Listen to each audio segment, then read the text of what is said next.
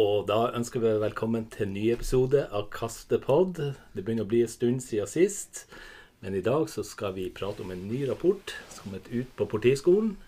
Som handler om trusler og trakassering mot politikere. Som jeg og du har vært med på, Jon. Det stemmer. Og så har vi med oss vår eh, prosjektleder og medforfatter Tore Bjørgo, som jo er professor ved Universitetet i Oslo. Eh, leder for Senter for ekstremismeforskning, CEREX. Og også professor 2 ved Politihøgskolen. Velkommen, Tore. Hjertelig takk for det. Det er godt å være tilbake på gamle tomter. ja, godt å ha deg tilbake her. Um, kanskje du kan begynne å, å si litt om, om, bakgrunnen for den eh, undersøkelsen som, som, vi har gjort? Ja, Dette har jo bakgrunn i et, en henvendelse fra Politiets sikkerhetstjeneste, som jo har ansvaret for å ivareta sikkerheten og gi sikkerhetsrådgivning til det som kalles myndighetspersoner, som er medlemmer av regjering og storting og høyesterett, og særlig da eh, politikerne i, i regjering og storting. Eh, og de har jo sitt eget kunnskapsgrunnlag om hva disse politikerne er og har vært utsatt for. Men de ønska et bredere kunnskapsgrunnlag for å få en bredere innsikt i hva er det politikerne sjøl har opplevd som ikke nødvendigvis eh, kommer eh, PST for øre. Og da ga de i forkant, eller i Det var vel i, i i 2012 de ga i oppdrag til Politihøgskolen å, å gjennomføre en spørreundersøkelse blant medlemmer av storting og regjering. Og vi gjorde det da på slutten av den, første, av den siste året i stortingsperioden, i vinteren 2013. Og så har vi gjentatt denne undersøkelsen igjen eh, på slutten av den neste stortingsperioden, i 2017. Og vi fikk på nytt et oppdrag nå eh, til å gjøre det på slutten av den siste stortingsperioden, som vi gjorde da i vinteren 2021. Og i det siste eh, prosjektet så har vi også ut, utvida eh, eh, hvem som er med. Ved at de, PST ønska spesielt å få med eh, ungdomspartiene, fordi man visste at det hadde vært ganske stygge ting som var eh, skjedd av trusler og trakassering mot særlig AUF, men også andre ungdomspolitikere. Og vi fikk dem da med på også at vi tok med sentralstyrene både i ungdomspartiene og i moderpartiene, i de partiene som er representert på Stortinget. Så det gjorde at vi denne gang fikk et bredere kunnskapsgrunnlag. Eh, med, med, eh, Ikke minst fikk vi opp antall respondenter. Nettopp. Og dette her med at uh, undersøkelsen er blitt gjort sånn på slutten av stortingsperiodene, er det noen spesiell grunn til det? Ja, Det er jo fordi at da får vi med erfaringene til alle de som ble uh, innvalgt på starten av denne stortingsperioden. Mm. Altså Da har det gått nesten fire år, iallfall tre og et halvt år. Slik at de har fått eh, et erfaringsgrunnlag. Og, og, så er det da noen som har vært med i flere stortingsperioder, som da har et, et lengre tidsrom de har med seg erfaring fra. Mm. Nettopp. Og så er det jo sånn at undersøkelsen er utarbeida sånn at det er på mange måter den samme undersøkelsen som har blitt presentert for i hver av disse datainnsamlingsfasene. Det gir jo noen fordeler. Ja, det gjør jo at vi får sammenlignbare data. Hadde vi spurt om forskjellige ting, så hadde vi ikke kunnet sammenligne tallene. Men har vi lagt vinden på at vi skal ha akkurat de samme spørsmålsstillingene, mm. slik at vi da kan få data vi kan, vi kan uh, sammenligne og se en utvikling gjennom denne tidsserien. Og det har vært, vært uh, usedvanlig interessant. I tillegg så har vi da også stilt de samme spørsmålene på tvers av ulike kategorier politikere. Mm. Vi har også både medlem av regjering, av storting, av moderpartiene, sentralsynet, og ungdomspartiene. Og i tillegg så har, har, det også vært en annen undersøkelse som har vært gjort med nesten 4000 lokalpolitikere. Gjennomført av min kollega Anders Ravik Upskås på Cerex i samarbeid med Telemarksforsking. Og de har gjort bruk av, fått låne spørsmålene våre, slik at de har kunnet plukke ut de sentrale spørsmålene i vårt spørreskjema. Og dermed har vi også sammenlignbare data fra lokalpolitikere. Det gjør at vi får eh, en, et bredt grunnlag for for sammenligning. Å kunne se både på tvers og på langs, så å si. Over tid og på tvers av ulike kategorier politikere. Mm. Ja, og, og, Jon, du har jo vært eh, litt ansvarlig for å få ut denne eh, undersøkelsen. Kanskje du kan si litt om, om, om svarprosent og sånne ting? Ja, det kan jeg gjøre. Altså, det vi gjorde denne gangen, var at vi benytta oss av uh, elektroniske spørreskjemaer til uh, alle gruppene så nær som regjeringsmedlemmene. De fikk uh, spørreskjemaer i papir. Eh, og så eh, fikk vi ganske mye tilbake med en gang, men vi purra opp litt også, sånn at vi endte på sånn pluss-minus eh, litt rundt 50% vel på, for de, de fleste gruppene. Totalt 53% tror jeg vi kom til. Totalt 53% så det var liksom pluss-minus litt der. Eh, ja. Og så, så i dag så er det regna som ganske bra, da? Ja, det vil jeg si. Altså, det er slett ikke alltid at du runder over 50 eh, med det trykket som er med, med spørreundersøkelser. Og, og, her er det jo mange av disse her som jo har eh, mye e-post de skal gå gjennom i løpet av dagen eller i løpet av uka. Sånn at eh, det at de har valgt å så, så, mange har valgt å svare, tror jeg vi skal eh, ta som også et tegn på at dette her blir regna som eh, en viktig undersøkelse. Jeg tror nettopp det at politikerne sjøl opplever at dette er viktig. Det er en problemstilling som de føler nesten bokstavelig talt på kroppen. Mm. Ganske mange som har opplevd uh, stygge ting, og de snakker sammen og hører, hører, om dette. Og de ønsker nok også at vi blir frambrakt god uh, kunnskap og forskerbasert kunnskap om dette. Men tenker vi at det har vært noe sånn selektivt frafall her, eller ja. Ja, det, det, kan kanskje du si litt om også, Tore. Men altså sånn, eh, generelt så er det gjerne sånn at uh, du veit ikke helt uh, hva de mener, de som ikke har svart, selvfølgelig. Og, og, det er kanskje de som opplever spørsmålene som mest relevante, som har en tendens til å svare. Men, men uh, du har også fanga opp noen andre erfaringer rundt dette her. Akkurat i, når det gjelder dette spørsmålet, Tore? Ja, I denne undersøkelsen her så var jo den veldig anonymisert, slik at vi veit jo ikke hvem som ikke svarte. Men vi hadde vel litt mer kunnskap og kontroll på det tidligere, når vi hadde papirbaserte undersøkelser. Da så vi jo at det var at det var en del politikere vi visste hadde hatt ganske alvorlige opplevelser med trussel og trakassering, som ikke svarte på undersøkelsen. Men vi kan jo ha en sånn formening om at kanskje de som ikke har opplevd noen særlige ting, eh, er mindre tilbøyelige til å svare enn de som har opplevd mye. Men det, det, er, det vet vi ikke. Men vi tror kanskje at det iallfall er en del som ikke har svart, som også har opplevd litt av hvert. Mm. Men vi kan, før vi runder av den delen om, om selve datadansen, så kan vi kanskje også legge til at, at mye av spørsmålene her handler jo om sånn subjektive opplevelser. Eh, så, så, det er jo ikke er på en måte ikke et objektivt mål på, på, på trakassering og, og, og trusler sånn. Det er på en måte opplevde trusler og trakasseringer. Men hvis vi, hvis vi nå går videre og, og, eh, ser på det som er funn her, da. Eh, hvis vi ser det som mer overordna, hvor, hvor, hvor utbredt er sånne trusler og trakasseringer blant politikere? Hvor, hvor mange stor andel er det som egentlig rapporterer om hendelser? Ja, vi, vi uh, finner jo at de aller fleste har opplevd noe.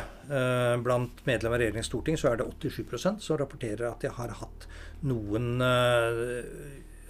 varianter av uønska hendelser. Blant sentralstyret er det 84 og blant, eh, blant ungdomspartiene er 71 og hvis vi går ned til, til uh, kommunepolitikerne, så er det 52% som har samme opplevelse. og det er mindre vanlig blant, blant kommunepolitikere, eller folkevalgte på lokalnivå, men, men, likevel så er det Vi ser at det er en Jo lenger opp du kommer i det politiske hierarkiet, jo, jo mer opplevelse har de. Samtidig så er det ofte da politikere som har vært lenger med i politikken, slik at de kanskje har hatt et lengre tidsrom og, og hva skal jeg si, samle mm. opplevelse på. Så jo mer eksponert du er, jo, jo større er sjansen for at du opplever noe. Men det, det som jeg henger meg opp i litt her, det er jo liksom at det, altså uansett hvilke grupper du prater om, så er det, så er det et flertall som faktisk eh, eh har opplevd. Og så er, det, så er det blant de gruppene som vi har sett på spesifikt, så er det jo et stort flertall som, som alle har opplevd eh, en hendelse. Så. Ja, og Så ser vi også en, en, tydelig sammenheng mellom medieeksponering og graden av, av uh, erfaringer med si, negative henvendelser. Eh, og blant de som er svært eksponert i media, så er det 100% som har fått negative tilbakemeldinger. Mm. Mens de som har vært lite eksponert i media, er det under halvparten. Så det er tydelig sammenheng der. Mm. Ja, hvis vi går litt nærmere inn og ser på hva, hva er det egentlig de, de, de, rapporterer om, hvis vi ser sånn mer sånn spesifikt på hvilke type hendelser er det som, som rapporteres? Blant eh, politikere?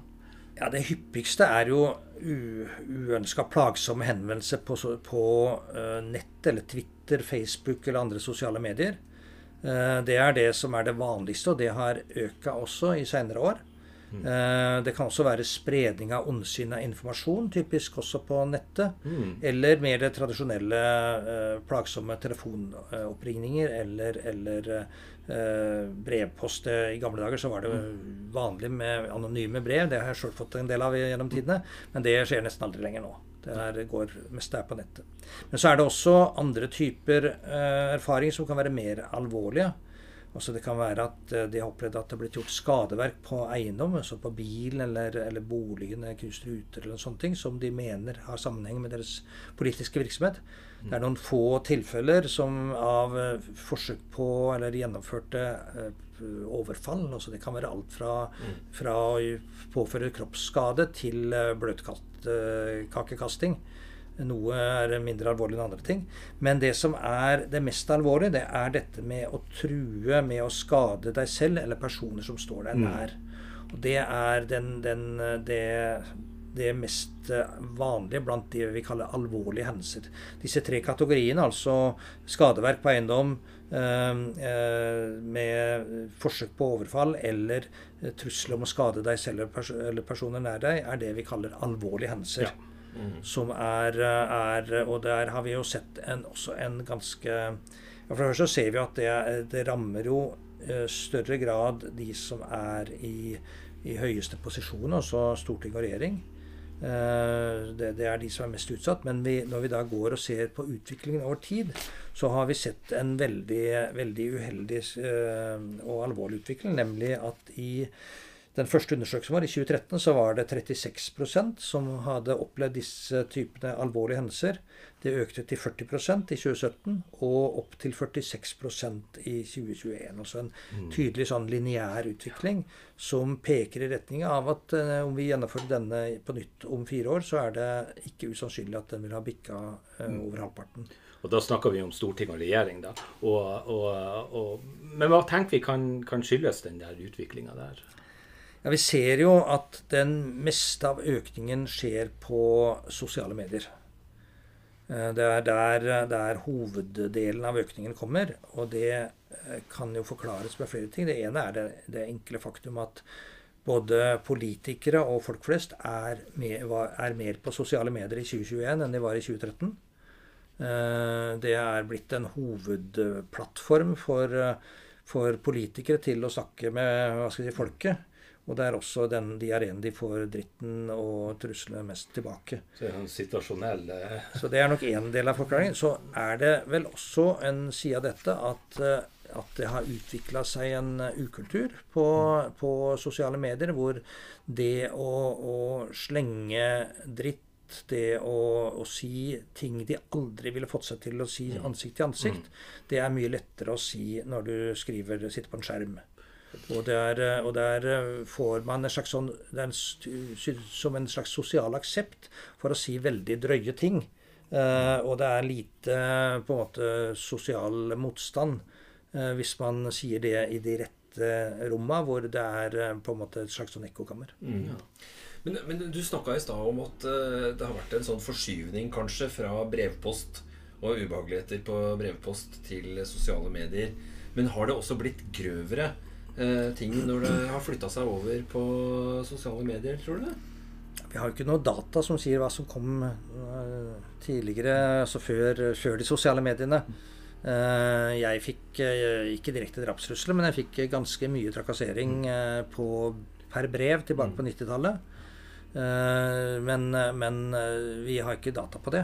Nei, så, jeg tenker at det er kanskje litt mer sånn ufiltrert. Det er liksom bare å få hakka det ned og trykke på knappen, så går det. Mens eh, brevposten har jo tross alt noen flere filtre i seg. du får telt til tid der. Ja. På mange måter. Du får gått til postkassa og kanskje ja. ombestemt deg. Ja. Det får du ikke når du sitter med sosiale medier. Du kan hakke det ned, og så det blir en spekulasjon, men, men, jeg syns det, det, er verdt å tenke på det. i hvert fall. Ja, Så hadde vi tidligere lesebrev til, til avisene. Ja. Og Der gikk det jo gjennom en redaksjonell prosess hvor ganske mye fæle ting ble luka bort. Mm, mm. Og den, det som kjennetegner sosiale medier, er jo at du ikke har den, den redaksjonelle kontrollen. Mm. Det vil si, Vi vet jo at uh, etter hvert så har Facebook begynt å gjøre det. Og Twitter også i en viss grad. Men det er mm. ganske, ganske mye som slipper gjennom der, for å si det forsiktig. Mm. Men det er vel noe med den der dynamikken på sosiale, sosiale medier også. Det med at du, du, du ser ikke folk i øynene når du gjør det. Altså det altså, lett å kaste seg på, ikke sant. Ja. Og det er jo mange da som, som sier både støtter og liker og, og sier enda drøyere ting. Ja. Mm. Det blir som pylon. Så de kaller det for. Men er vi da litt over på å, å, å se på beskrivelsen av hvem disse personene er? Vi har jo en del eh, data som, der vi spurte respondentene om hvilke karakteristikker som beskriver kommunikasjonen eller personen best. Eh, og der er det jo det mest hyppige er at de, de beskriver som fiendtlig. Altså at det uttrykker sinne eller bitterhet, verbale skjellsord eller sarkasme. Det er det som er, er eh, over, eh, over halvparten eh, har det blitt, og det har øka på senere år. Altså det var for, for Storting og regjering for eksempel, så var det 43 i 2013, nå er det 64% som beskriver det. Så det er veldig dominerende. Så er det også en økning i de som beskriver det som truende. Uh, igjen fra uh, Storting og regjering fra 29 i 2013 til 43% nå. Og tilsvarende økninger om, av ideer og oppfatning som klart er uriktige. Eh, så det, det er også et eh, tema. Så er det en del ting som, som eh, kan tyde på at personen bak har noen eh, hva skal jeg si, psykiske utfordringer. At de snakker eh, usammenhengende eller litt sånn tvangsmessig eller sånne ting. Eller eh, mistenksom og har tanker om å være forfulgt. Det er også temaer som man oppfatter. Så det er en del, en del som handler om, om mental uhelse her. Ja. Ehm, så er det en del som sier at dette ser ut som det handler om det er fyllerør, altså det er ruspåvirkning. Mm. Eh, kanskje relativt lavt, overraskende lavt, som handler om seksuelle tilnærmelser. Men der ser vi f.eks. at der, der skårer jo, jo ungdomspartiene sier at der er det ganske mye hyppigere. Altså det er snakk om 14% for eksempel, som rapporterer der. Og det er, det er jo særlig, særlig de, de kvinnelige respondentene Ja. som opplever det. Så det er et, det, Der ser vi igjen at, at det er noen Sjøl om, om vi kan komme tilbake til kvinner ikke er mer utsatt, så er de utsatt på en annen måte enn en de andre respondentene. Så ser vi vel også at at det er menn som, eh, som dom, dominerer som gjengspersoner, gjerningspersoner. Og det er vel også i tråd med det som PST også fant da de så på uh, gjerningspersoner i, i sine straffesaker. Ofte godt voksne menn. Så har vi også stilt noen spørsmål omkring antatte motiver bak den mest alvorlige hendelsen. Og det er også, også interessant at det er det som er, går igjen her som det hyppigste, det er at det handler om eh, interesse for en bestemt politisk sak. Eh, det er sånn eh, rundt en tredjedel av respondentene som sier det, særlig blant eh, storting og regjering. Eh, Så er det også mange eh, som snakker om det handler om at de tror det det er noen konspirasjonsteorier bak.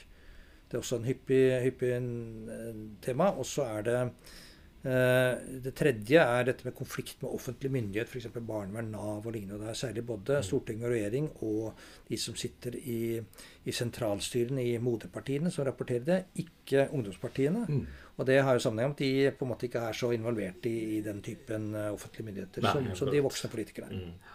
Men når vi ser spesielt på ungdomspolitikerne, så, er, så skiller de seg ut fra de andre ved at det er en, en høyere andel som rapporterer at det handler om konspirasjonsteorier. Eh, og det er en betydelig høyere andel at det handler om eh, rasisme eller høyreekstremisme. Ja. Så det er noe som særlig rammer ungdomspartiene. og det, det, Vi vet jo at eh, det har vært en del sånn retta mot AUF, men det ser ut som det, dette gjelder også en rekke av de andre parti, eh, ungdomspartiene. Så det er, dette er nok over, eh, er over eh, flere av partiene. Ja. Vi har såpass små data, eh, altså små antall respondenter, at vi kan ikke gå inn og skille så veldig mellom ulike partiene her. Det er tross alt disse sentralstyrene består av kanskje ti personer, og hvis, seks har besvart, så er det, blir, det, blir det for små data. Men vi kan, når vi samler det, så ser vi at ungdomspartiene rett rammer veldig tydelig. Og hvis vi ser på alle de gruppene som har studert, så har vi jo, eh, som du har vært inne på tidligere, litt eh, mer robuste tall eh, per parti.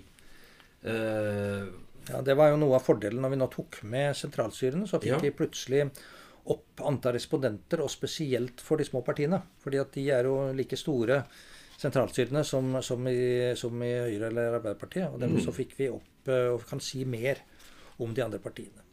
Og vi har jo noen forskjell, altså vi har vært interessert i dette. Hva er det som Uh, hvilke partier er mest utsatt, og så hva er det som, som Er det slik at det er liksom bare enkeltpartier som blir utsatt? Og det er det jo ikke. Det er over hele fjøla så ser vi at det varierer fra det laveste som rapporterer, er 67% av politikerne i KrF og Venstre rapporterer opplevelser av sånne, sånne negative ting, mens da Frp og, og MDG er oppe på 90-tallet. Så det er altså 95 på, på Frp og, og, 92 for Miljøpartiet De Grønne. Så vi ser at det er et, et spenn der. Så er det litt større utslag når det gjelder eh, utsatthet for alvorlige hendelser. Der er det igjen Frp som skårer høyest. Uh, mens uh, 52 mens KrF er nede på, bare på 7% Så der er det KrF-erne er nok mindre utsatt for det mest alvorlige. Men vi ser at det er en rekke partier hvor eh, over halvparten av, av politikerne har opplevd alvorlige hendelser. Så det er, eh, det er, men det, det, er, det, er, jo ikke sånn åpenbart breie mønster. Så Arbeiderpartiet skårer relativt lavt, men da Frp, eh, Senterpartiet og, og Venstre er av de som har over 50 av, har opplevd alvorlige hendelser. Så det er, liksom, det er ikke noe enkle mønster at dette er noe som bare går utover venstresida. Uh, som man kanskje kunne, kunne tro. Men sånn ja, for jeg fant jo at Frp da, liksom har den største både når det gjelder uh, hendelser generelt, men også de mest alvorlige. Og Det har vi også funnet tidligere også, så vi, vi, har jo lurt litt på hva er det med Frp. da. Ja, og det var interessant, for vi hadde jo en liten hypotese. Kunne det være slik, siden Frp er et parti som har markert seg med en veldig eh, hva skal jeg si, innvandringspolitikk, at dette kanskje ville føre til mye hets og trakassering fra venstre radikale eller antirasistiske grupper. Men det fant vi var en ganske liten andel av det de opplevde. Det aller meste for Frp-politikere handler jo om, om, spesielle politiske saker. Mm. Og så var det under 20% av respondentene, eller, eller hendelsene, som, som handla om, om uh, antirasisme eller venstreradikale uh, ytringer. Mm. Så det, er, det, det, forklarer ikke at Frp scorer høyt. Men det er interessant at det er et gjennomgående trekk i alle de undersøkelsene jeg har sett som har gjort sånne spørreundersøkelser blant politikere, at Frp-politikere er de som har vært mest utsatt. Enten det er lokalpolitikere eller i, i uh, rikspolitikken. Og det kan jo ha kanskje noe å gjøre med en, uh, en politisk stil som er litt sånn provoserende i formen. Mm. Og som uh, de har gjort sitt til vareverket å være litt, litt røffere. Og det kan hende er litt av forklaringen på dette. Mm. Nei, Jeg, syns det er veldig interessant det med å se det med konflikt med offentlig myndighet, som syns å være den største kategorien når det gjelder i hvert fall storting regjering, også de, de voksne. Ja. altså voksenpartiene. ikke sant? Og, um, men dessverre så har vi ikke data fra det fra tidligere. Nei. Så det skulle vi gjerne hatt. Men, eh, men, eh, men, men, en liten, liten sånn hypotese jeg har her, sånn veldig utprøvd hypotese, det er at det syns å være kanskje mer Eh, ideologisk motivert når det gjelder ungdomspartiene, og kanskje mer så å si, på sånne enkeltsaker når det gjelder de, de voksne. Det kan, det, kan, hende at det er, er, sånn. Det kan være verdt å forfølge neste gang. Mm, nettopp. Ja.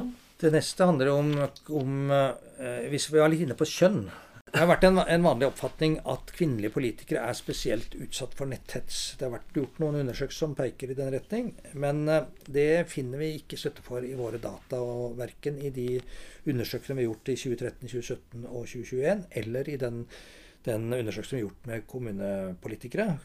Eh, hvor vi, vi, finner at eh, kvinner er omtrent like utsatt som menn, eller litt mindre utsatt. Noe generelt. Men så uh, har man jo sett for det første i forhold til alder, når man det, bruker de større datagrunnlaget for kommunepolitikere, at kvinner, kvinnelige politikere under 30 år og menn i 30-40-åra er de som har vært mest utsatt for trusler, hatytringer og plagsomme henvendelser. Og Det vi også finner, også i våre data og de, de kommunedataene, er at kvinnelige politikere langt oftere er utsatt for trakassering av seksuell karakter enn deres mannlige kolleger. Og det, det rimer jo eh, mm. godt med det, vi, det inntrykk vi kanskje har. Og så kan man jo da eh, tenke seg at det kanskje slår litt, rammer litt hardere. Og så det går eh, enda mer personlig. Man, disse kvinnelige politikerne føler seg kanskje enda mer sårbare. Mm. Og det finner vi igjen i at, det er, at kvinnelige politikere er litt mer skremt enn det de mannlige er. Det er ikke sånn veldig store forskjeller, men det er, vi ser at, det er, at kvinnelige politikere blir litt reddere. Og Det kan jo ha sammenheng dels med denne, at det er en uh, trussel av seksuell karakter, om voldtekt og mm. den type ting, som går, går veldig hardt. Og selvfølgelig at de kanskje er uh, fysisk svakere, ikke føler seg like i stand til å forsvare seg mot en, en mannlig overgriper enn det kanskje en mannlig politiker ville vært. da. Ja, for vi ser, vi ser jo at det har, det har, konsekvenser i forhold til bl.a. følelse av frykt. Ja, og når vi går dypere inn i det og ser på hva slags konsekvenser får dette, så finner vi et ganske alvorlig mønster. Uh, og det er jo at, uh, at det, dette får konsekvenser både for politikernes privatliv og deres politiske virke. Mm. Og på privatlivet så, så, rammer det spesielt hardt for de som er høyest oppe i hierarkiet her, altså medlemmer av storting og regjering. Uh, som riktignok er bedre beskytta, men likevel mye mer eksponert. Og der ser vi at det er en, en, eh, en betydelig engstelse for sikkerheten til sine nærmeste og seg selv. Eh, det er uh, f.eks. nesten, nesten eller 28% som er bekymra for sikkerheten til sine nærmeste. Mm. Og det er også bekymra for å være ute i offentligheten, trekke seg litt tilbake fra sosialt liv. Og, og, de reduserer sine sosiale aktiviteter. Og det er jo ikke på en måte bra. Vi ønsker jo å ha våre politikere ute blant oss. Og, og det, men når, når, de føler seg utrygge, så er det en negativ ting. Mm. Eh, så har vi den andre sida, som kanskje er enda mer alvorlig fra et politisk synspunkt, er at det også får negative konsekvenser for deres politiske virke. At de, det er eh, nesten 20% som, som rapporterer at de nøler med å stå fram med, med et selvpolitisk eh, standpunkt eller uttale seg i en spesifikk sak eller saksfelt. Eller føler at, at talefriheten deres blir begrensa rundt visse temaer. Mm. Så det, det, er i seg sjøl, altså når så stor andel av våre toppolitikere på, i regjering og storting føler seg at, eh, at det hemmer deres mm. Eller får dem til å nøle med, eller la være å engasjere seg på bestemte saksfelt, så er det mm. ganske alvorlig. Og så det kanskje det mest eh, alvorlige er at det er også en betydelig andel, og det går på tvers av alle disse kategoriene, som vurderer å slutte som politikere pga. Den hetsen og trakasseringen og mm. truslene de opplever. Det, det, de som scorer høyest her, er jo, er jo eh, sentralstyrene, men både mm. f.eks. blant ungdomspolitikerne så er det 16% som forteller om dette. Sånn chilling effekt. Så det har en, eh, en, eh, det har en betydelig effekt. Når vi da ser på utvikling over tid, der har vi jo data for storting og regjering, og der ser vi en negativ utvikling over nesten hele fjøla på dette mm. her. Altså nesten alle temaer. Det er, eh, det er og, og, kanskje mest både når det gjelder bekymring for egen og, sosial, og, og familiens sikkerhet, eh, så er det en kraftig økning de siste, de siste åra. Eh, det er også en alvorlig økning når det gjelder politisk virke, f.eks. når det gjelder å, å, begrense sin talefrihet om bestemte politiske temaer. Eh, engasjere seg i bestemte saker og videre. Mm. Og ikke minst har det vært en bety det, det, er nå nest, eh, ja, det er mer enn dobling. altså den, eh, den negative utviklingen har gått mye raskere eller mye sterkere enn økningen i erfaringer med alvorlige hendelser. Ja. Så det har en, en ganske sånn mm. akselererende effekt. Og det gjelder også, ikke minst, på dette med å vurdere å slutte politi som politikere, hvor det har vært en kraftig økning. Ja. Mm. Jeg tenker jo at uh, antagelig så er det jo Altså det, det, det, at de vurderer det, er jo, det er jo liksom det, det, direkte uttrykket for at dette her er en mm. veldig alvorlig situasjon. Men jeg tenker også sånn indirekte når de eh, opplever at privatlivet blir såpass eh, mye prega av disse truslene og trakasseringa som det de oppgir at det gjør, så vil jeg jo tro at det også vil gjøre at eh, mange da stiller seg spørsmålet er det verdt det. Sånn at du også på en måte via det privatlivssfæren og den påvirkninga der vil kunne mm. se at mange kan komme til å trekke seg ut av politisk virke? da? Ja, jeg tror nettopp det er en sammenheng der mellom denne ja. personlige belastningen det er for seg sjøl og familien, og denne motivasjonen til, eh, som, som undergraver motivasjonen til å ville fortsette. Ja. Og, og, dette har jo dette er jo to viktige negativ virkning for demokratiet. Det ene handler om at det er viktig at våre politikere, og både velgere og politikere, skal på en måte våge å engasjere seg i bestemte saker. Våge å framsi sin mening. Det er jo liksom Hovedpoenget med ytringsfrihet er nettopp at man skulle, skal kunne si sin mening. Mm. Og når den, disse negative konsekvensene blir så, så kraftige at selv på det aller høyeste nivået av politikken så får det politikere til å, å, å ikke våge å uttrykke sin mening på visse eh, temaer, så er det i seg sjøl veldig negativt for demokratiet. Og Den andre negative utviklingen handler om rekruttering til politiske posisjoner. Eh, det er, eh, det er, Jeg tror ikke det blir slik noen gang at det blir folketomt på Stortinget. altså Vi kommer nok til å fortsatt være såpass attraktivt å bli toppolitikere at vi alltid vil greie å fylle de mm. posisjonene.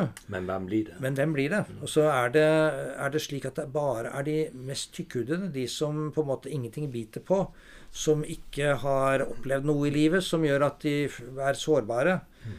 eh, som orker å, å, gå helt til topps i politikken. Mens de som har erfaringer i livet som gjør dem sårbare, som kanskje har opplevd å være utsatt for, eh, for uh, vold eller overgrep, eller har, uh, har kjent på problemer med, med, mental helse, at de, deres stemmer inn i politikken blir, blir borte, så er det alvorlig for, for, samfunnet. fordi vi trenger nettopp de menneskene som har, har hatt litt å bære på i livet, mm. til å komme inn i politikken. Eh, og, og, få målbåret, eller frambåret, de, de, de uh, synspunktene, de erfaringene, slik at vi mm. kan få god politikk på de områdene. Og da, Derfor så er det på en måte en, en uheldig side ved, ved, ved hva skal vi si, den, eh, den naturlige seleksjon. At det er bare den, the survivals of the toughest som skal, skal overleve i politikken. Det bør ikke være sånn. Og vi ser vel også at det at det var, Hvis vi ser på det konsekvensene i forhold til, til både privatliv og politisk virke, så, så, hvis vi kun ser på de som har vært utsatt, utsatt for sånne hendelser, så er det jo spesielt blant ungdomspolitikerne at det har kan du si, den effekten som du sier med at man skal slutte. Så. Det er jo der rekrutteringen til mm. politikken skjer. Eh, blant ungdomspolitikere og blant eh, lokalpolitikere. Mm. Og det er eh, et, uh, også et slående funn vi, vi, nevnte jo at det er jo en lavere andel av de lokalpolitikerne som har vært utsatt for, for hva skal jeg si, trakassering og, og, og hva skal jeg, uønsket uh, respons uh, av den typen som har gått inn på dem. og det er en enda lavere andel som har opplevd alvorlige hendelser.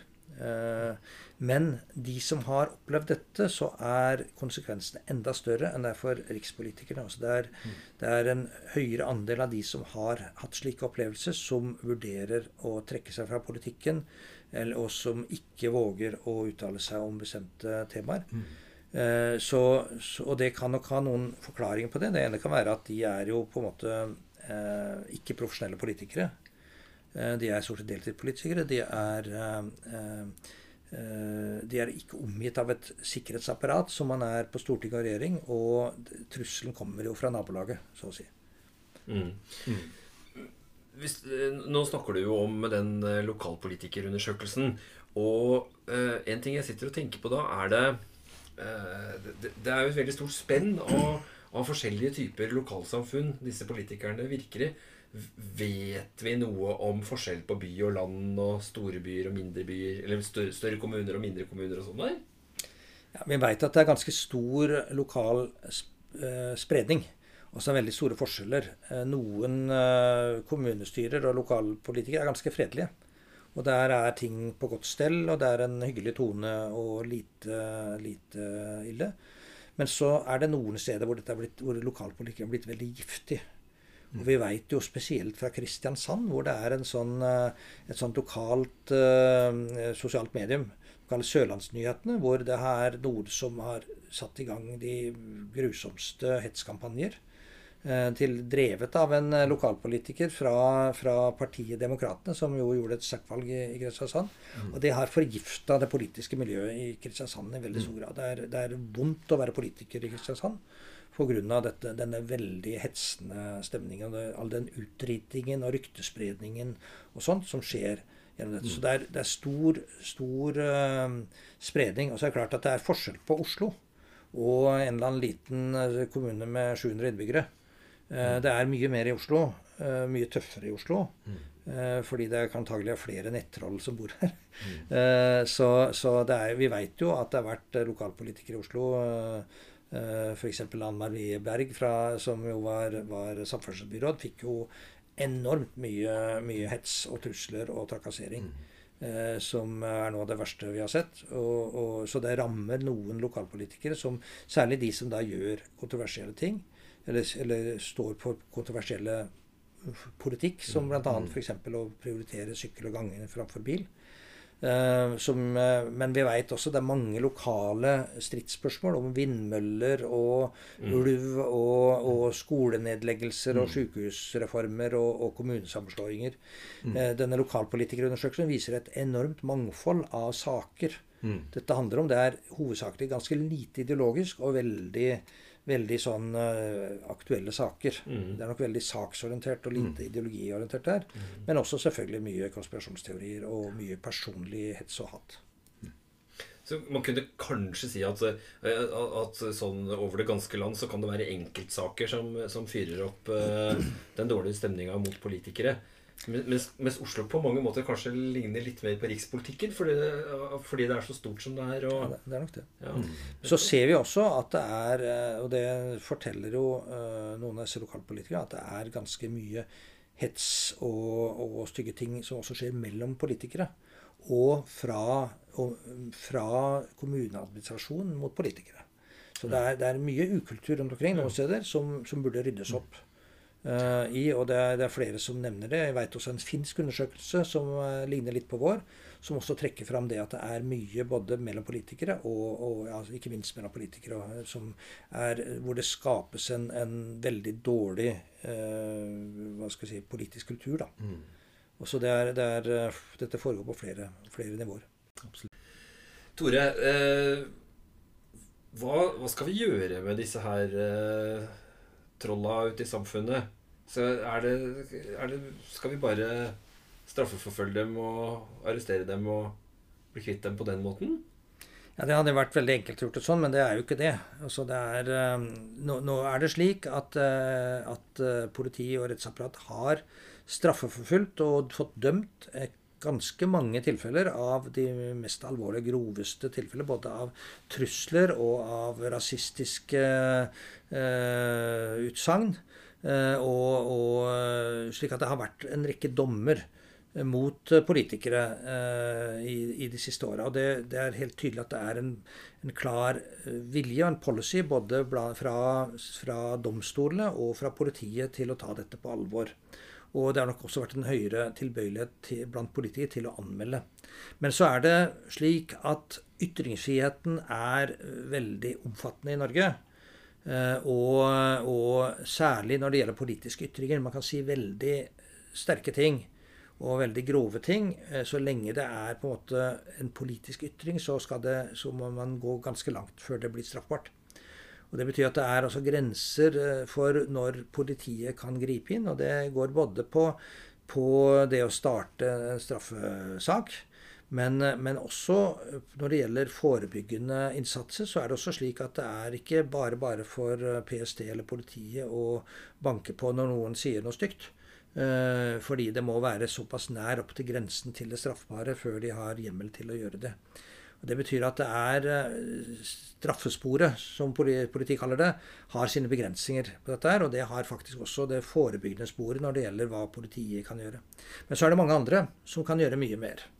Og det, det gjelder ikke minst eh, de politiske partiene og de politiske institusjonene som til de som blir ramma. At de i sterkere grad slår ring rundt og, og backer opp og støtter de som blir utsatt. Og det andre er jo at man får motstemmene på banen. Altså at de ikke får stå uimotsagt, de som driver med trakassering og trussel og usakligheter. Men at man kanskje går litt sammen om å gi motstand til de som, de som blir mest utsatt. For det er, det er nok på andre Jeg tror ikke vi, vi blir kvitt dette problemet. Det, vi ser jo at trenden er at det blir verre. Og vi må finne måter å leve med dette på, eh, hvor vi kan bare ta på en måte toppen av det med strafferetten. Og så må vi bruke andre måter for å både uh, imøtegå, men også ivareta de som blir ramma. Mm. Så imøtegå uh, de som er de trussel uh, De som kommer med trak Trussel er straffbart, men, men trakassering er, er, ofte ikke det. Og de må imøtegås i større grad. Og så må vi sørge for å ivareta de som blir, blir ramma. Men nå har vi fått uh, sne godt Har du noe mer du vil legge til i forhold til uh, implikasjoner? Ja, altså jeg, jeg, bare er nysgjerrig på eh, hva, hva, er Hva skjer med undersøkelsen vår når, den, når, når du overlevert den til sjefen for Politiets sikkerhetstjeneste, og så arbeider de videre med den? Vet, på hvilken måte bruker de den? Ja, de, de, sier jo at de bruker den ganske mye i forbindelse med sin sikkerhetsrådgivning overfor politikere. Altså de, det er jo slik at Når nye folkevalgte kommer til Stortinget eller i regjeringsposisjon, så får de en, en sikkerhetsbrif. En gjennomgang på det, Jeg tror det skjer på partinivå i stor grad. Eh, hvor de da får, blir forklart litt om, om, både hva de kan vente, og da bruker de jo denne undersøkelsen vår, og, og, og hvordan de skal håndtere dette. Så, er, eh, så er det jo selvfølgelig slik at eh, PST driver jo også en risikovurderinger, og da kan det iallfall bruke, bruke litt av dette, som vi da ikke går på ned på personnivå, så kan man si litt om hvilke temaer som, som uh, skaper mest, mest problemer. Men der har de jo sine egne data også. Eh, så vi har jo fått signaler fra, fra sjef for PST at dette var såpass verdifullt for dem at de ønsker å gå inn for at det skal gjøres en, en ny undersøkelse gjennom fire år. Og det er jo vi veldig glad for. Det, vi har jo opplevd det at når vi gjorde denne undersøkelsen første gang i 2013, så var det litt sånn gråsteindata. Det var ikke så veldig mye å gjøre noe akademisk ut av dette. her. Altså Forskningsmessig eh, så var det en grei beskrivelse, men det, det ble aldri noen akademisk artikkel ut av dette. her. Nå har vi gjort det tre, tre, ganger. Vi har fått en tidsserie, vi har fått komparative data, eller sammenlignbare data. Og nå vi, fikk vi nå for noen dager siden en henvendelse fra Norsk statsvitenskapelig tidsskrift om ikke vi kunne skrive en artikkel for dem til, på grunnlag av våre data. Og Da viser det at det er blitt gull av gråstein. Og det er vi jo veldig glad for. Det er veldig morsomt. Det er en veldig fin og, uh, avslutning, egentlig, å snakke om gull og gråstein. Gull og gråstein. Vi kan jo også, det, det, ja. det, er også en del andre ting på gang. Ja, vi har også, siden jeg har blitt litt inspirert av dette her, så ikke minst av hendelser som har skjedd i, i verden det siste, siste året, så um, har vi uh, jeg, jeg er kalles associate editor, altså medredaktør av et, et terrorismetidsskrift som heter, heter, Perspectives on Terrorism, som er open access, altså litt uh, fri tilgang. Og der har jeg ansvar for ett uh, spesialnummer hvert år. Og i år, i år, 2022, så kommer det i desember, skal vi lage et spesialnummer om anti-government extremism. Uh, altså ekstremisme retta mot myndigheter, hvor vi vi skal ha en artikkel basert på våre data, altså trus, trakassering og trussel mot politikere i Norge. Eh, men hvor vi også har artikler hvor vi går inn på å se på sånne hendelser som eh, både drap og drapsforsøk på politikere rundt om i verden. Vi har om eh, angrepet på Kongressen i, i, i, i Washington DC 6.1 i fjor. Vi har sånne bevegelser som uh, militsbevegelsene og Sovereign Citizens i USA, som er tydelig anti-myndigheter. Og tilsvarende avleggere i Europa med f.eks. Uh, um, vi har, har, i Tyskland lignende bevegelser. Reichsburger-bevegelsen f.eks. Mm. Og, og lignende. Vi ser at sånne konspirasjonsteorier som QAnon har spredd seg over hele verden. Og det finnes mange forløpere av mm. den i ulike sånne, sånne konspirasjonsteorier mm. om myndigheter. Og, så den, det blir et veldig interessant uh, spesialnummer. Vi fikk også mange, mange forslag til artikler som handla om responsen uh, på altså, anti-government extremism med, som respons mm. på eh, pandemirestriksjoner og vaksiner og slike ting, som jo har skapt voldelige demonstrasjoner og, og attentatplaner og lignende i en rekke land. Sånn at det, vi får faktisk to spesialnummer ut ja. av denne tematikken. Vi lever i spennende tider, får jeg si. Ja, nei, eh, nå nærmer vi oss slutten. Eh, og hvor kan vi få tak i den rapporten som vi nå har snakka om? Den kan jo lastes ned fritt fra Politihøgskolens hjemmeside. Der uh, Man kan jo bare søke på tittelen, uh, så finner man veldig fort fram om, om trakassering av trusler mot politikere. Eller så ligger den inne på, på under fanen til forskning. Mm. Og inne på, på dette er det PIA det heter? Dette, yeah. dette interne yeah. arkivet? Som man finner hvis man leter under biblioteket ja, ja. på Politihøgskolens eh, nettsider. Og så, ja, så vi også, kan vi også ta legene inn under eh, episodebeskrivelsen også. Så uh, da kan dere mm. klikke der og komme videre. Så Og for de som har ordentlig dårlig tid, så ligger det også en kronikk som vi har skrevet, på NRK Ytring. Det er verdt å få med seg også. Ja, ja. Der er uh, oppsummert de viktigste funnene. Ja. ja. Men da takker jeg for at du har vært med her. Og så sier jeg på gjensyn til lytterne. Ja. Takk for besøket, Tore. Det siste ordet er ikke sagt.